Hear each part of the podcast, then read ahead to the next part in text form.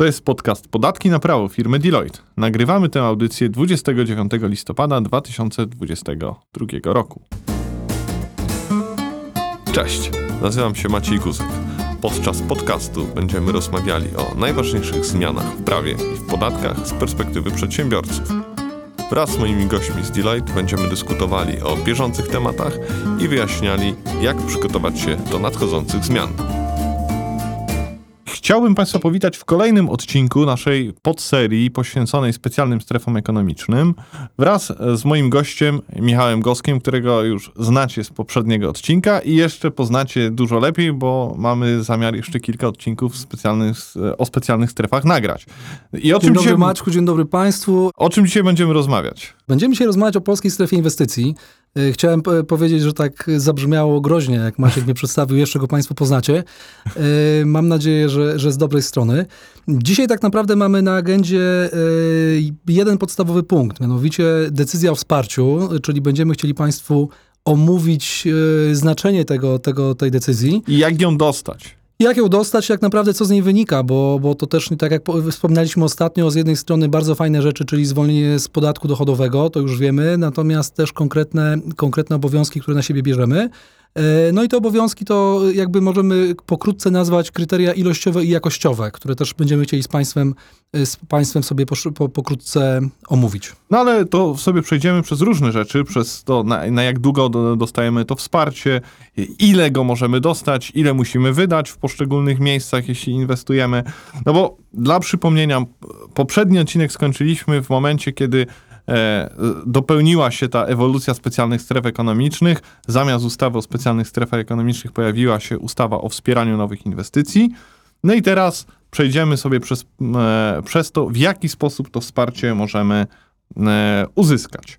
Okej, okay. no i mm, musimy chyba zacząć naszą rozmowę od odpowiedzenia sobie na pytanie, na co tak naprawdę dostajemy wsparcie, co się kwalifikuje, to znaczy, co my musimy zrobić, E, żeby to wsparcie dostać i dlaczego w ogóle jesteśmy wspierani przez, e, przez polskie państwo? No, wsparcie dostaniemy na nową inwestycję, na realizację nowej inwestycji. A czymże jest nowa inwestycja? No to o tym informuje nas ustawa o wspieraniu nowych inwestycji. E, I mamy takich rodzajów inwestycji pięć. Pierwsza rzecz dotyczy bardzo prostej sytuacji mianowicie założenia nowego zakładu. Czyli mamy przedsiębiorcę, który jeszcze w Polsce powiedzmy nie funkcjonuje, dajmy na to przedsiębiorcę z Niemiec. Przedsiębiorca z Niemiec postanawia zainwestować w Polsce, otworzyć tutaj nowy zakład, kupuje grunt, stawia hale, kupuje maszyny.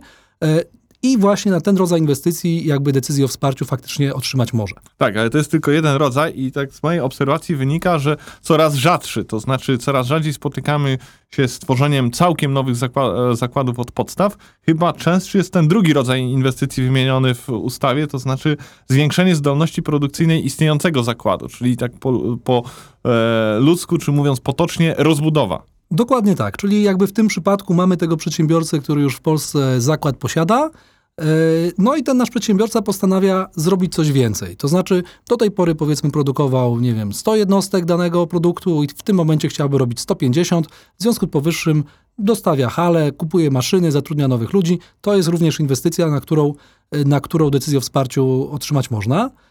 E, plus dwie kolejne związane tak naprawdę z pewną dywersyfikacją tego, co zakład robi. Albo zmieniamy produkt, czy tam wzbogacamy naszą paletę produktów o konkretny, konkretny produkt albo tę usługę, no albo zmieniamy technologię, czyli w sumie robimy mniej więcej to samo, co robiliśmy wcześniej, tylko przy pomocy no, troszkę nowszych narzędzi. No i ostatni typ inwestycji, on się pojawił e, nie tak dawno w ustawie, bo przez chwilę go nie było. On był w starych przepisach, on był, potem go zabrakło, a teraz pojawił się znowu, czyli coś, co ja roboczo nazywam taką inwestycją ratunkową.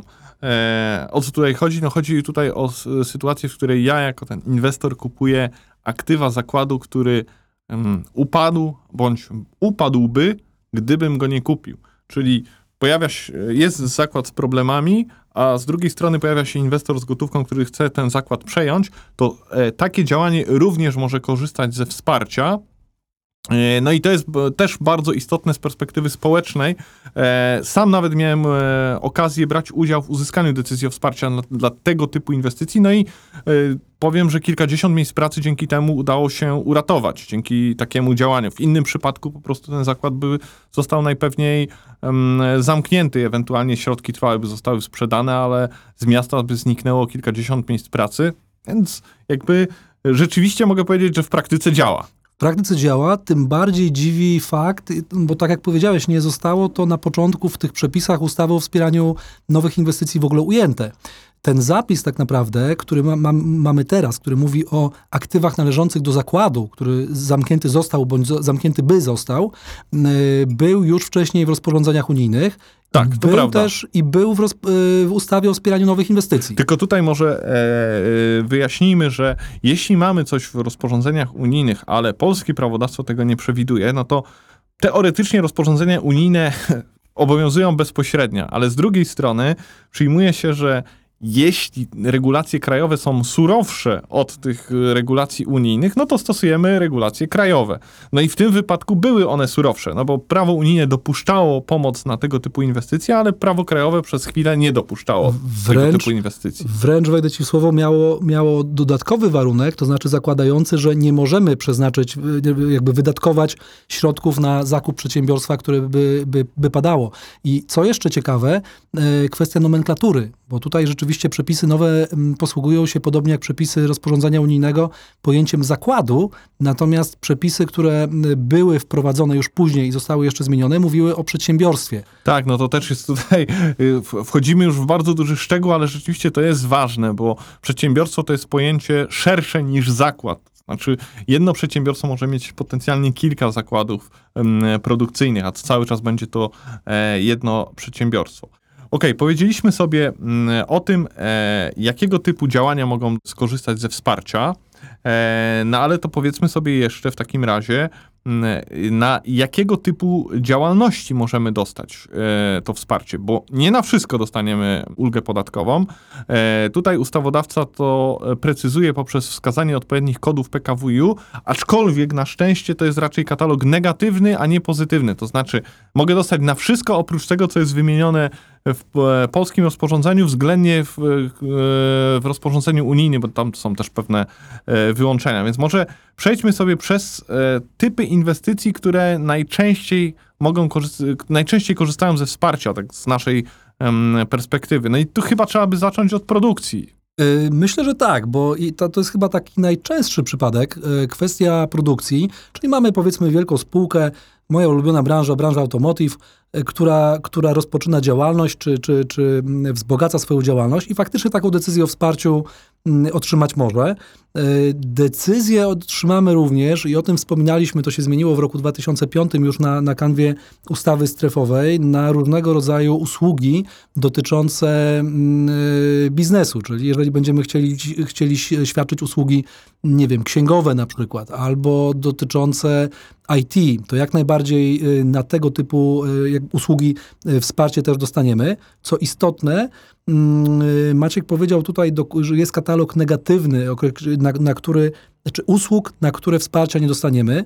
Tutaj tak naprawdę musimy się trochę przestawić z tego, mm, do czego jesteśmy przyzwyczajeni przy umowie spółki, czyli kodów PKD na kody PKW i U, bo zarówno działalność, na którą dostaniemy tę decyzję i która ostatecznie w tej decyzji o wsparciu się znajdzie, jako, jako działalność wskazana, y, y, która będzie profitować z tego zwolnienia z opodatkowania, jak i ta działalność, która objęta być tym zwolnieniem nie może, no będzie określona przy pomocy kodów PKW i U, E, więc tutaj rzeczywiście pewne takie statystyczne ćwiczenie zawsze trzeba wykonać przed e, złożeniem wniosku. Tak, no trzeba wykonać statystyczne ćwiczenia, aczkolwiek można sobie też e, e, wyróżnić pewne ramy, które nas troszeczkę, które ułatwiają nam troszeczkę to rozumowanie, bo pewne jednak branże jakby z e, samej swej istoty, niezależnie od kodów PKWiU, z, ze wsparcia nie będą mogły korzystać. Mam tu na myśli na przykład działalność handlową, stricte, czyli promujemy produkcję, ale nie handel. Gdybyśmy tylko handlowali, czyli centrum handlowe nie dostanie, albo hurtownia nie dostanie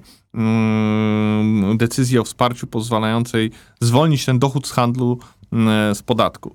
E, dr- Druga rzecz to są roboty budowlane, na to też nie dostaniemy decyzji o wsparciu. Potem transport, działalność transportowa, no i niektóra działalność wytwórcza, na przykład wytwarzanie i dystrybucja energii, albo działalność w zakresie hutnictwa żelaza i stali. Nie dostaniecie Państwo też decyzji o wsparciu na działalność polegającą na e, wytwarzaniu wyrobów tytoniowych, alkoholu, e, broni, E, naboje. aczkolwiek jeśli chodzi o alkohol, e, to ograniczenie to dotyczy em, produktów spirytusowych i tutaj pojawia się pytanie, mm, e, co to znaczy, bo to nie jest dokładnie zdefiniowane. E, generalnie na pewno na alkohol spożywczy nie można dostać e, decyzji o wsparciu, czyli tego, tej ulgi podatkowej. Natomiast jeśli produkujemy na przykład e, etanol po to, żeby użyć to jako mm, element produkcji biokomponentów do paliwa, czyli bio, produkujemy te dodatki do, e, do biopaliwa, to na to można akurat dostać. To jest taki wyjątek, no bo No, albo metanol. No. tak, nie, nie, wspieramy, e, nie wspieramy produkcji alkoholu tego, który idzie do powiedzmy takiej zwykłej ko- konsumpcji spożywczej, ale jeśli mamy przeznaczenie na paliwa, to tak.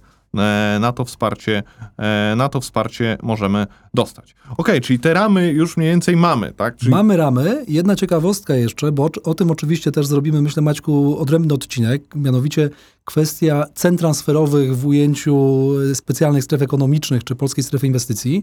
A dlaczego, dlaczego wspominam o tym teraz? Bo z jednej strony mamy wyłączoną działalność, tak jak powiedziałeś, transportową czy, czy handlową, ale z drugiej strony nie mamy na przykład wyłączonej działalności magazynowej. tak, to prawda. I jest sporo nawet działalności takiej związanej z logistyką w strefach, nie? Czyli, czyli tak naprawdę wiele spółek, które, które zajmują się taką działalnością, którą na pierwszy rzut oka nie moglibyśmy jej objąć tym zwolnieniem. Jeśli trochę, trochę pomyślimy, nie chciałbym powiedzieć pokombinujemy, bo to konotację ma to słowo trochę słabą, to możemy tak naprawdę zastanowić się, czy naszej działalności też w jakimś stopniu nie udałoby się tym, tę decyzją o wsparciu objąć.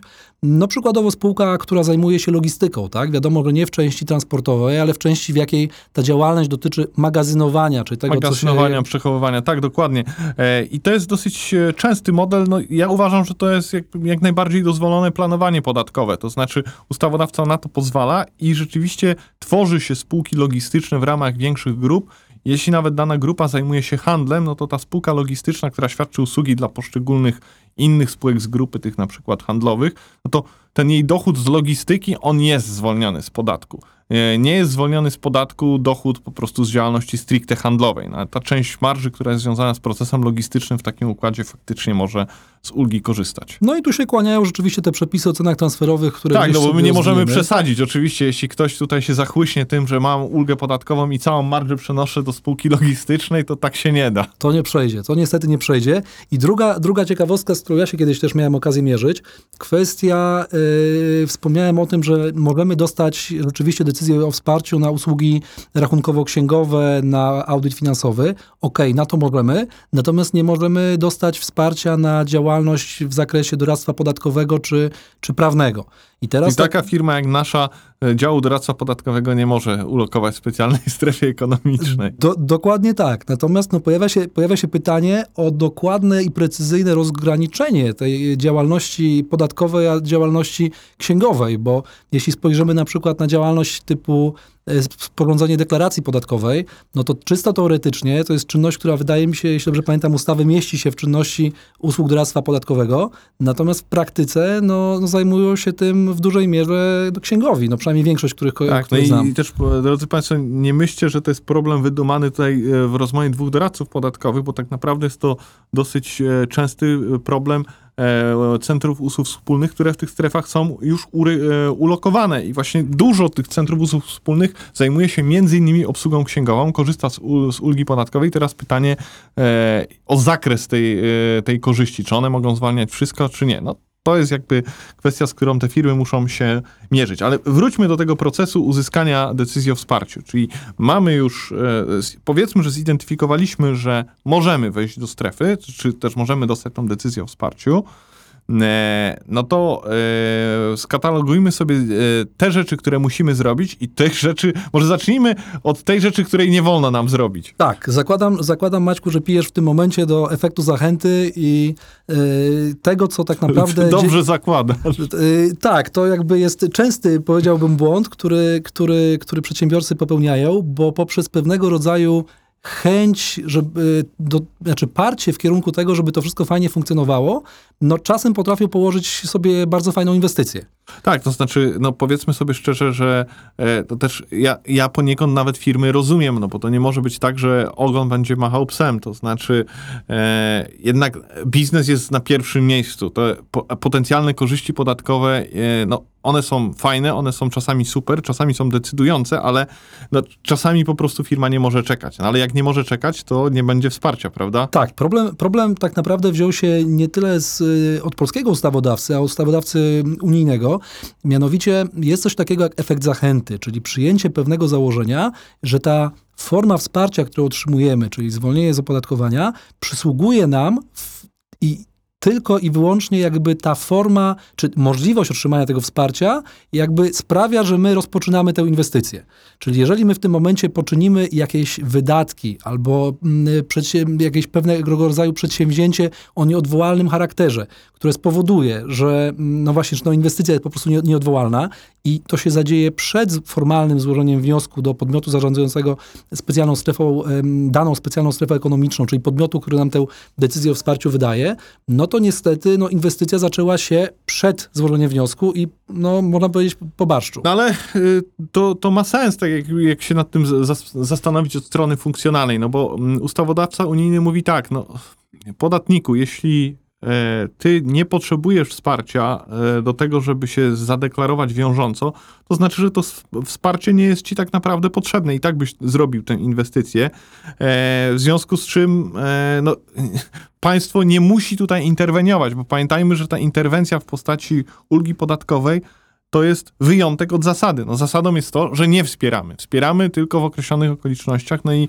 się ten efekt zachęty powinien być spełniony. Oczywiście to w przypadku specjalnych stref ekonomicznych to jest weryfikowane troszeczkę mechanicznie, w tym sensie, że no, przede wszystkim weryfikujemy, kiedy te formalne zobowiązania zostały poczynione. No, jeśli one zostały poczynione, tak jak powiedziałeś, E, przed e, wystąpieniem z wnioskiem, no to mamy problem, jeśli e, później po złożeniu wniosku, a najlepiej jeszcze po uzyskaniu decyzji o wsparciu, no to mm, jakby przyjmuje się, że ten efekt zachęty został, mm, został zachowany, no ale no i w jaki sposób, musi być jakaś metoda rozstrzygnięcia zero-jedynkowego, no i ustawodawca unijny przyjął taką. Tutaj rozporządzenie, y, to o którym wspominaliśmy też w poprzednim odcinku, 651 na 14, to, to słynne, słynne unijne rozporządzenie, mówi o tym, że y, musimy złożyć wniosek o przyznanie pomocy y, przed rozpoczęciem prac nad projektem lub rozpoczęciem działalności. Czyli tak naprawdę no, rozpoczęcie działalności jest w miarę, w miarę jasne, wydaje mi się, tego, tego pojęcia wyjaśniać nie trzeba. Natomiast czymże jest e, rozpoczęcie prac nad projektem. I tutaj e, w artykule drugim tego rozporządzenia wskazano, że będzie to albo rozpoczęcie robót budowlanych związanych z inwestycją, e, albo też pierwsze prawnie wiążące zobowiązanie do zamówienia urządzeń lub inne zamówienie, które sprawia, że inwestycja staje się nieodwracalna. Przy czym mamy wyjątki. Mhm. No właśnie, bo ja do tych wyjątków chciałem e, nawiązać, bo często mam takie dyskusje, ty pewnie też, no dobrze, e, ale co z projektem budowlanym? Ja już zamówiłem projekt, nie? albo co z feasibility study? No, zanim podejmę decyzję, to muszę wydać już określone pieniądze, e, żeby ustalić, czy w ogóle mogę zrobić tą inwestycję, bo nie wiem, mogą być na przykład warunki gruntowe takie, które mi po prostu, które spowodują, że nie będę mógł tej inwestycji zrealizować ze względów czysto technicznych. E, no i ponoszę koszty, czasami to są niemałe koszty. No, jakby e, kwestia projektu budowlanego czy takiej feasibility study to potrafi naprawdę dużo e, pieniędzy kosztować. No i teraz pytanie, czy to jest złamanie efektu zachęty, czy nie jest? No i tutaj chyba te przepisy są dość precyzyjne. No precyzy, y, precyzyjne są, są zdecydowanie. No mówią o tym, że y, wyjątkiem od tego, o czym powiedzieliśmy przed y, chwileczką, są następujące rzeczy. Albo zakup gruntu, albo też prace przygotowawcze, tak? takie jak uzyskanie zezwoleń, czy przeprowadzenie właśnie studiów wykonalności, czyli to, o czym, o czym przed chwileczką powiedziałeś. Ale trzeba rzeczywiście uczciwie powiedzieć, że orzecznictwo w tym temacie jest dosyć bogate. Czyli to, to co dziś nam się wydaje dosyć logiczne i precyzyjne, no w przyszłości jakby... Tak, na to trzeba e, bezwzględnie uważać. Ciekawe jest, e, jeszcze już kończąc ten temat efektu zachęty, bo jeszcze mamy dużo innych e, zagadnień, ale ciekawe jest to, co ty powiedziałeś, bo że zakup gruntu też nie, nie jest złamaniem efektu zachęty. No i teraz pojawia się pytanie, czy może się pojawić po Państwa stronie pytanie, czemu tak jest? Nie? Tak naprawdę chodzi o to, że jeśli kupimy grunt, to my możemy na tym gruncie zrobić wszystko. Czyli kupno gruntu nie przesądza jeszcze, że my zrealizujemy ten konkretny projekt inwestycyjny. I dlatego ustawodawca unijny dopuszcza zakup gruntu, no bo ja mogę ten grunt kupić mm, po to, żeby e, e, potraktować go jako inwestycję kapitałową. Mogę ten grunt kupić, ale jeszcze nie wiem, co tam chcę zrobić. Może jeden zakład, może inny, może mm, jeszcze inny. W związku z czym sam zakup gruntu nie przesądza nam o charakterze tego, co powstanie, tego konkretnego projektu inwestycyjnego. I z tego powodu ten zakup gruntu mm, został tutaj wyłączony z, e, i nie łamie nam efektu zachęty. Co jeszcze ciekawego, y, podobnie jak miało to miejsce w przypadku tego piątego rodzaju nowej inwestycji, czyli zakupu tego zakładu, który by padał, y, podobnie tutaj z kwestią efektu zachęty, no polski ustawodawca postanowił wprowadzić to od 2022 roku do, do ustawy o wspieraniu nowych inwestycji, y, a także do ustawy strefowej. To też, się, to też się faktycznie pojawiło, bo tak jak wspominaliśmy, ustawa strefowa jeszcze do końca 2026 roku y, będzie nam obowiązywać. Tak więc y, no znowu jakby potwierdza się to, o czym mówiliśmy kończąc poprzedni odcinek. Widać, że ustawodawca no, się uczy i rozwija i dostosowuje te przepisy do, do, do, do, do rzeczywistości. Okej. Przejdźmy może e, do e, kolejnego punktu tej takiej weryfikacji. Powiedzmy, że nie zaciągnęliśmy jeszcze żadnego wiążącego zobowiązania, no ale mamy plany inwestycyjne. No to musimy stwierdzić, e, co konkretnie musimy zrobić. I tutaj to się różni. W zależności od tego, gdzie dokonujemy inwestycji, będę musiał ich spełnić albo więcej, albo mniej. No to może sobie przejdźmy przez te ramy, oczywiście nie, nie bardzo szczegółowo, no bo tabelka jest dosyć skomplikowana. Gdybyście Państwo e, ją e, teraz widzieli, to co ja przed oczami e, teraz widzę, no to byśmy pewnie gadali o tym przez e, 20-30 minut, przechodząc przez każdą pozycję, ale nakreślmy ramy. Jakie są te górne i dolne widełki inwestycji?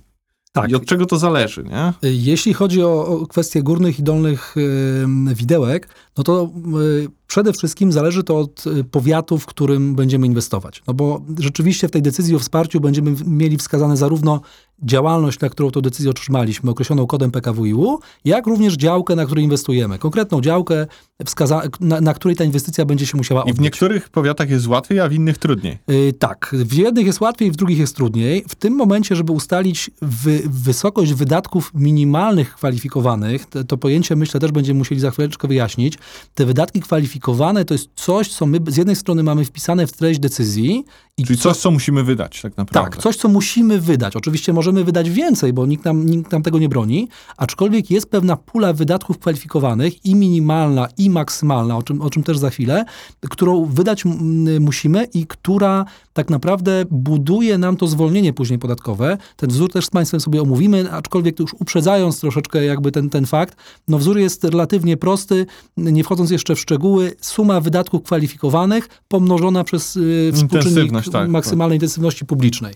E, I wydatki kwalifikowane, jeśli jesteśmy już w konkretnym powiecie, to powinniśmy się zastanowić nad tym, jaki jest poziom bezrobocia w tym powiecie, a w zasadzie jak się ma ten poziom bezrobocia do średniego bezrobocia, które, y, które w naszym kraju jest w tym momencie, mm, powiedziałbym, aktualne. I te dane, żeby też doprecyzować, bierzemy z obwieszczenia prezesa GUS. Tak jest. I w, na chwilę obecną to, to, to średnie bezrobocie w Polsce wynosi 5,2%. Y, czyli jeżeli byśmy sobie chcieli to rozrysować, powiedziałbym, troszeczkę w, w takiej formie tabelki, to jeśli to bezrobocie w danym powiecie jest mniejsze bądź równe 60% średniej krajowej, czyli wynosiłoby w tym momencie 3,12 lub mniej, no to taki duży podmiot, podkreślam duży podmiot, duży przedsiębiorca, bo od tego musimy zacząć, musiałby zainwestować w tym, w tym powiecie 100 milionów złotych. Czyli innymi słowy, jeśli jestem dużym przedsiębiorcą i e, upatrzyłem sobie grunt inwestycyjny w tym powiecie, o którym powiedział Michał, czyli tym takim, gdzie to bezrobocie jest naj, e, najniższe w e, perspektywie średniej krajowej, no to muszę wydać co najmniej 100 milionów złotych. Jeśli chcę wydać 80 milionów złotych, no to niestety nie dostanę wsparcia. No i logika jest taka, że skoro bezrobocie tam jest takie, tak niskie, to ten konkretny obszar już mniej potrzebuje nowych inwestycji niż inne, w związku z czym, no jeśli już pozwalamy komuś tam skorzystać z pomocy, no to ten ktoś już musi naprawdę dużo wydać. Jeśli, jeśli z kolei to bezrobocie odpowiada tej średniej krajowej albo 130% tej średniej krajowej,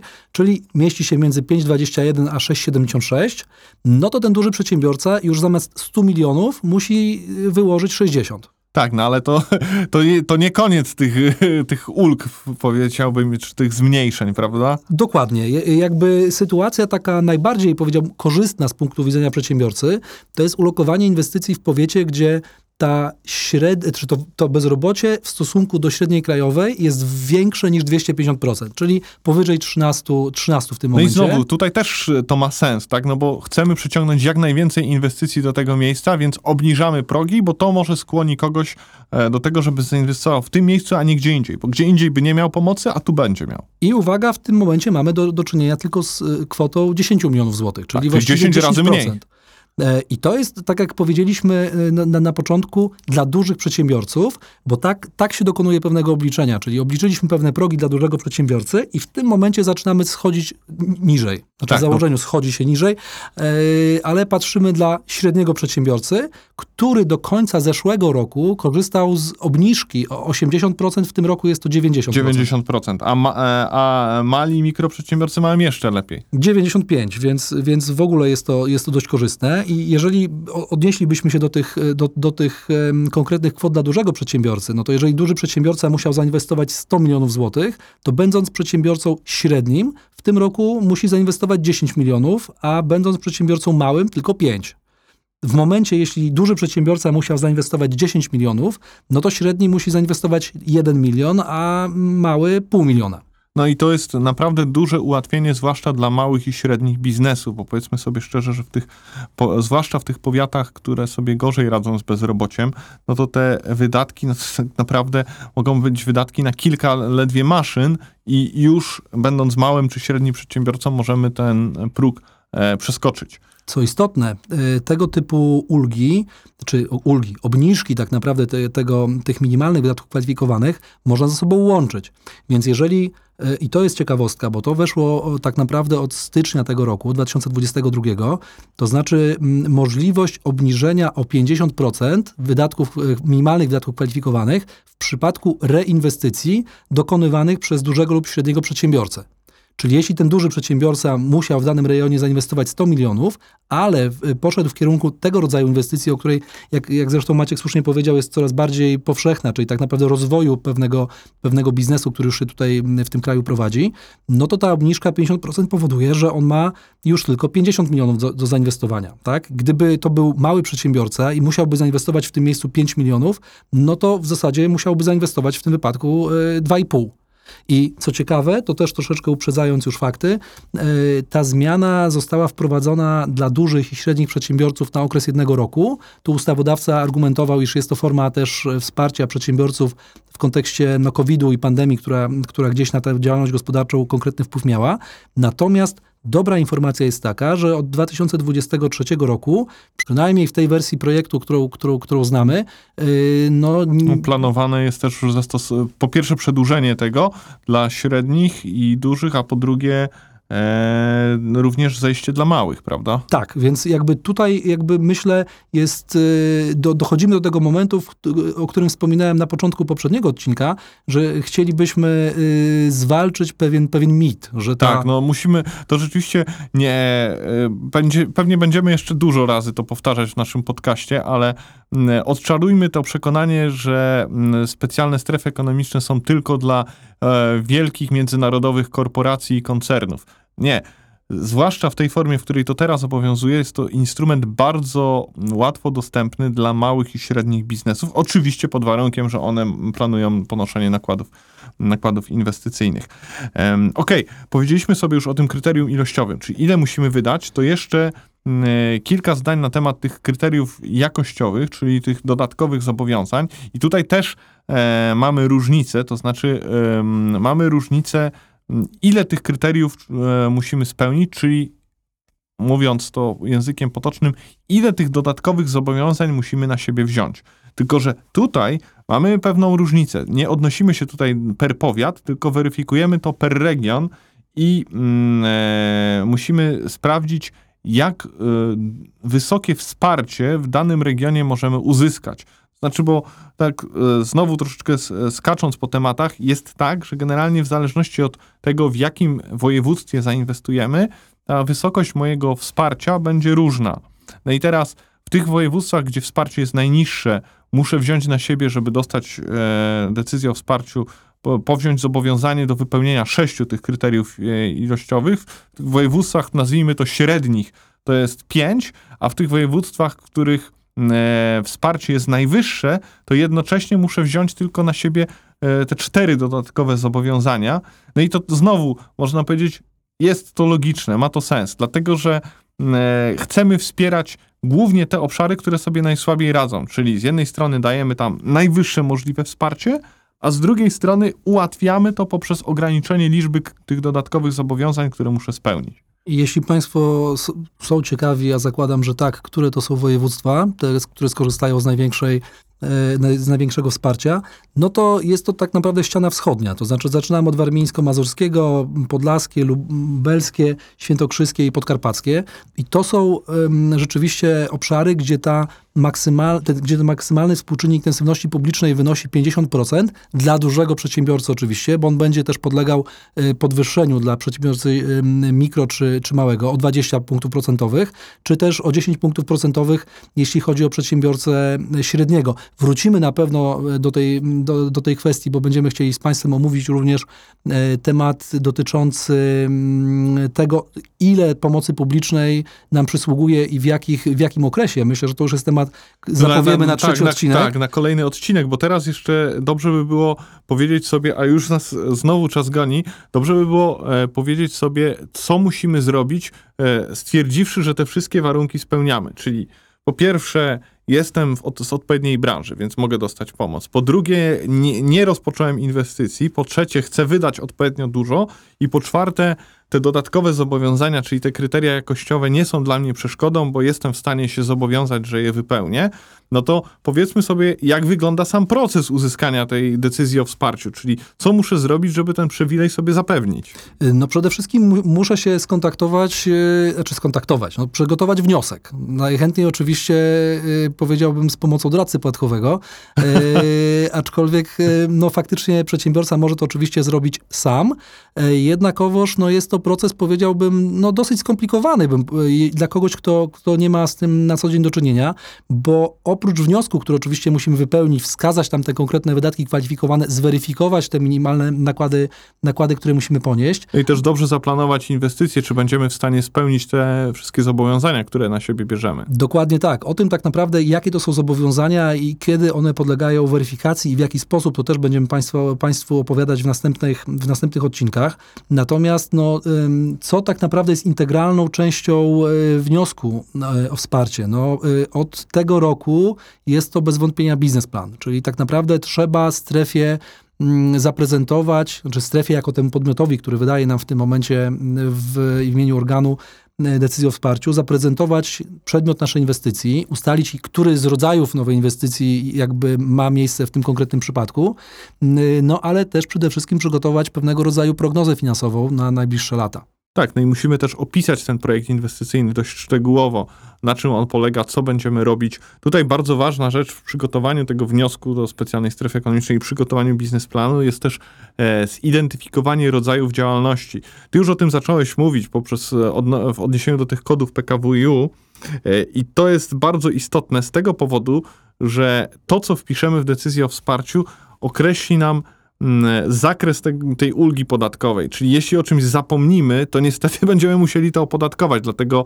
warto się do tego przyłożyć, bo inaczej po prostu e, będziemy tracić pieniądze najzwyczajniej w świecie, jeśli e, nie zweryfikujemy tego odpowiednio e, szczegółowo, czy odpowiednio mm, się do tego nie przyłożymy. No tutaj, tutaj rzeczywiście Maciek też poruszyłeś bardzo ważny temat, bo to wskazanie miejsca i przedmiotu działalności, który będziemy chcieli wykonywać, jest właśnie niezmiernie ważne, bo z jednej strony, jeżeli przedmiot będzie wykraczał poza to, co wskazaliśmy, no to niestety opodatkowujemy, ale podobnie sytuacja y, ma się z miejscem, bo jeżeli nasza działalność będzie wykonywana nie tylko na tej konkretnej działce, którą wskazaliśmy w decyzji o wsparciu, ale również gdzieś obok, no to mm, znowu kłaniają nam się przepisy o cenach transferowych bardzo często y, i być może y, w związku z tym, że część procesu jest wydzielona poza tę działkę, będziemy zobowiązani do tego, żeby część dochodu po prostu opodatkować. No dokładnie tak, bo, dochód, bo um, ze zwolnienia może korzystać tylko taka działalność, która jest prowadzona na terenie wskazanym w decyzji o wsparciu.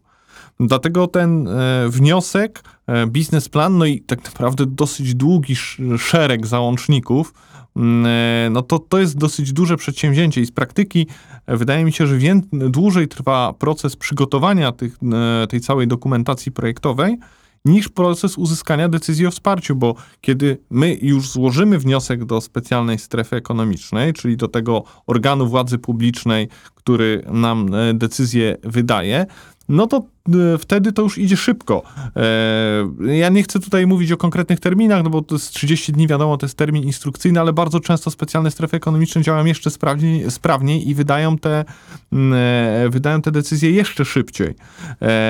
No ale czasami potrzebna jest jakaś dopytka, wyjaśnienie dodatkowych okoliczności, co też oczywiście specjalne strefy mogą zrobić, bo jak jak to w postępowaniu administracyjnym mogą wzywać do udzielania dodatkowych wyjaśnień, ale ten proces już idzie szybko. Najwięcej e, czasu zajmuje samo przygotowanie dokumentacji i tak naprawdę według mnie dobre zaplanowanie tej mm, inwestycji, tak? Bo nie sztuką jest dostać decyzję o wsparciu, tylko sztuką jest dostać taką decyzję o wsparciu, którą my będziemy później w stanie zrealizować. Jeśli z, z, e, zadeklarujemy na przykład zbyt ambitne terminy, mamy problem, bo to też może powiedzmy sobie co, e, dwa zdania, co się stanie, jeśli nie wypełnimy tych zobowiązań, które na siebie zaciągnęliśmy, czy to ilościowych, czy to e, tych kryteriów jakościowych. No jeśli, jeśli to uchybienie miałoby charakter rażący, tak, czyli no tu znowu temat na, jest, na, pracę tak. doktorską, tak. co to jest rażące uchybienie. Natomiast jeżeli to, to uchybienie miałoby charakter rażący, no to skutek jest taki, że może nam to y, no, skutkować, y, czy w założeniu skutkuje nam to utratą decyzji, y, no i w związku z powyższym Musimy oddaniem... oddać pieniądze, które wcześniej zaoszczędziliśmy. No, a co, nawet, co ciekawe, czasami nawet więcej. To, co, co, co ciekawe, nawet więcej, bo w konkretnych przypadkach musimy oddać pomoc publiczną, która która nam przysługiwała, pomimo tego, iż nie skorzystaliśmy nawet z jednej złotówki.